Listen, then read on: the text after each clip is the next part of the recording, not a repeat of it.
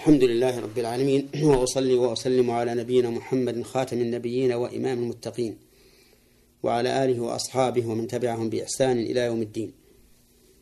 أما بعد أيها المستمعون الكرام فهذه هي الحلقة الخامسة والثلاثون بعد المئة من حلقات أحكام من القرآن العظيم. يقول الله عز وجل ومن الناس من يتخذ من دون الله أندادا يحبونهم كحب الله والذين آمنوا أشد حبا لله ولو يرى الذين ظلموا إذ يرون العذاب أن القوة لله جميعا وأن الله شديد العذاب. في هذه الآية يذكر الله سبحانه وتعالى أن من الناس يعني أن بعض الناس يتخذ من دون الله أندادا أي نظراء.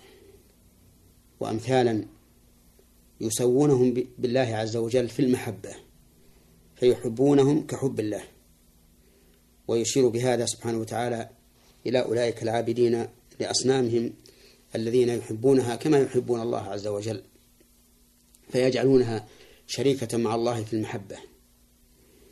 قال الله تعالى والذين آمنوا أشد حبا لله.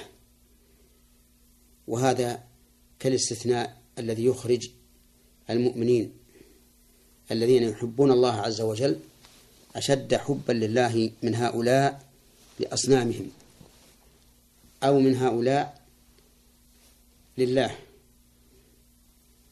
يعني أن المؤمنين يحبون الله ويتعلقون به أشد حبا وتعلقا من هؤلاء بأصنامهم لأن محبة المؤمنين لله عز وجل محبة تقتضيها الفطرة والشريعة. أما محبة هؤلاء لأصنامهم كحب الله فهي محبة لا تقتضيها الشريعة ولا لا تقتضيها الشريعة ولا تقتضيها الفطرة. ويجوز أن يكون المعنى والذين آمنوا أشد أشد حبا لله من هؤلاء. وذلك لأن محبة المؤمنين لله محبة خالصة. لا يشركها محبة أحد من الخلق ومحبة هؤلاء لأصنامهم ومحبة هؤلاء لله تعالى محبة فيها شرك حيث يحبون هذه الأصنام كمحبة الله. وإذا كانت الآية تحتمل المعنيين وأحدهما لا ينافي الآخر فإن الواجب حملها على المعنيين جميعا لأن ذلك أعم وأشمل. ولو يرى الذين ظلموا إذ يرون العذاب أن القوة لله جميعا وأن الله شديد العذاب. يعني ولو يرى هؤلاء الذين ظلموا باتخاذهم أندادا يحبونهم كحب الله إذ يرون العذاب أي يشاهدونه ويعاينونه يوم القيامة أن القوة لله جميعا وأن أصنامهم ليس لها قوة ولا حول بل هي أضعف وأهون من أن يكون لها قوة. وقد قال الله تعالى يا أيها الناس ضرب مثل فاستمعوا له إن الذين تدعون من دون الله لن يخلقوا ذبابا ولو اجتمعوا له وإن يسبهم الذباب شيئا لا يستنقذوه منه ضعف الطالب والمطلوب. وهنا يقول لو يرى الذين ظلموا إذ العذاب أن القوة لله جميعا وأنه لا قوة لأصنامهم فتنقذهم من عذاب الله وأن الله شديد العذاب يعني ويرون أن الله شديد ويرون أن الله شديد العقاب يعني لو رأوا ذلك لتبدلت أحوالهم ولعرفوا أنهم على خطأ وضلال. في هذه الآية من الفوائد تحريم تشريك محبة الله تعالى مع غيره بحيث يتخذ أصناما يحبها كحب الله. سواء كانت هذه الأصنام من الشجر أو الحجر أو البشر. فمن أحب أحدا كمحبة الله عز وجل فإنه قد قد شرك مع الله تعالى في المحبة ويسمى هذا النوع من الشرك شرك المحبة. ومن فوائد هذه الآية أنه يجب إخلاص المحبة لله عز وجل والمراد بها محبة التذلل والخضوع والعبادة. وأما المحبة الطبيعية التي تكون بين الإنسان وبين ما يلائمه من بشر أو مأكول أو ملبوس أو مركوب فهذه لا تعلق لها في هذا الباب. وكذلك محبة الإنسان لأبنائه وبناته وأصحابه لا تدخل في هذا الباب لأنها ليست محبة مع الله وهي من نوع آخر. ومن فوائد هذه الآية الكريمة شدة محبة المؤمنين لله عز وجل وأنها محبة كاملة أكمل من محبة هؤلاء لأصنامهم ومحبة خالصة أخلص من محبة هؤلاء لله عز وجل. ومن فوائد الآية الكريمة الوعيد الشديد لهؤلاء الذين جعلوا لله شريكا في المحبة.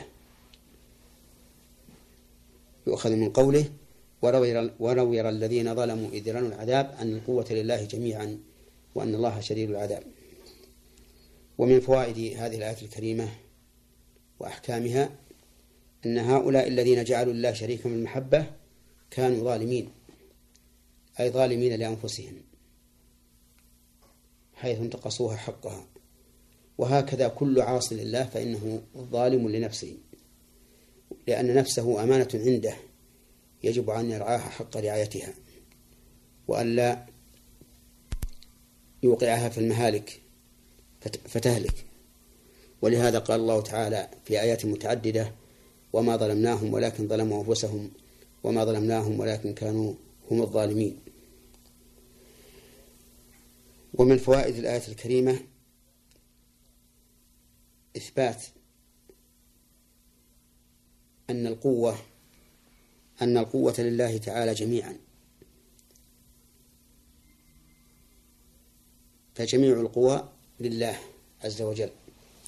حتى ما يجعله أو ما يخلقه في بعض المخلوقات من القوى فإنه لله ملكه.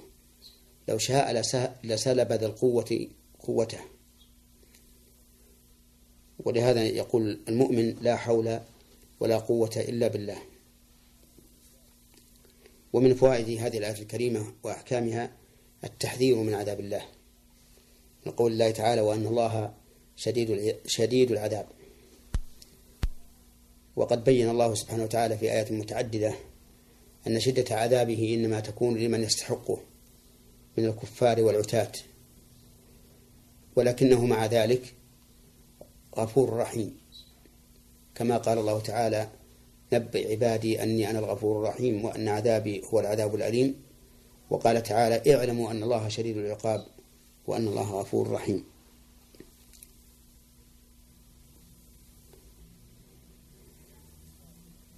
ومن فوائد هذه الآية الكريمة أن المحبة تتفاضل. فيحب الإنسان شيئا أكثر مما يحب الشيء الآخر. وإذا كانت محبة الله تعالى من الإيمان ومن أكمل العباد ومن أفضل العبادات وكانت تتفاضل فهذا فهو دليل على أن الإيمان يتفاضل وهو مذهب أهل السنة والجماعة. فقد صرح أهل السنة والجماعة بأن الإيمان يتفاضل وأنه يزيد وينقص وأن من أسباب زيادته طاعة الله عز وجل ومن أسباب نقصانه معصية الله. بل إن الإيمان يزيد وينقص حتى في العلم الحاصل في القلب. فإن العلم الحاصل في القلب يتفاوت بحسب الطرق الموصلة إليه. فالإنسان يعلم بخبر الاثنين أكثر مما يعلم بخبر الواحد. وكلما تعدد المخبرون ازداد الإنسان يقينا.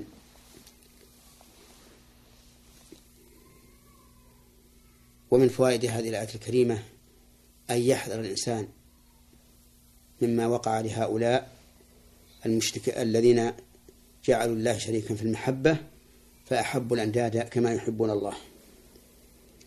نسأل الله تعالى أن يجعلنا جميعا من أحبابه وأوليائه وأن يهب لنا منه رحمة إنه هو الوهاب.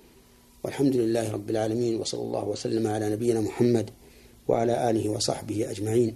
وإلى حلقة قادمة إن شاء الله تعالى. والسلام عليكم ورحمة الله وبركاته.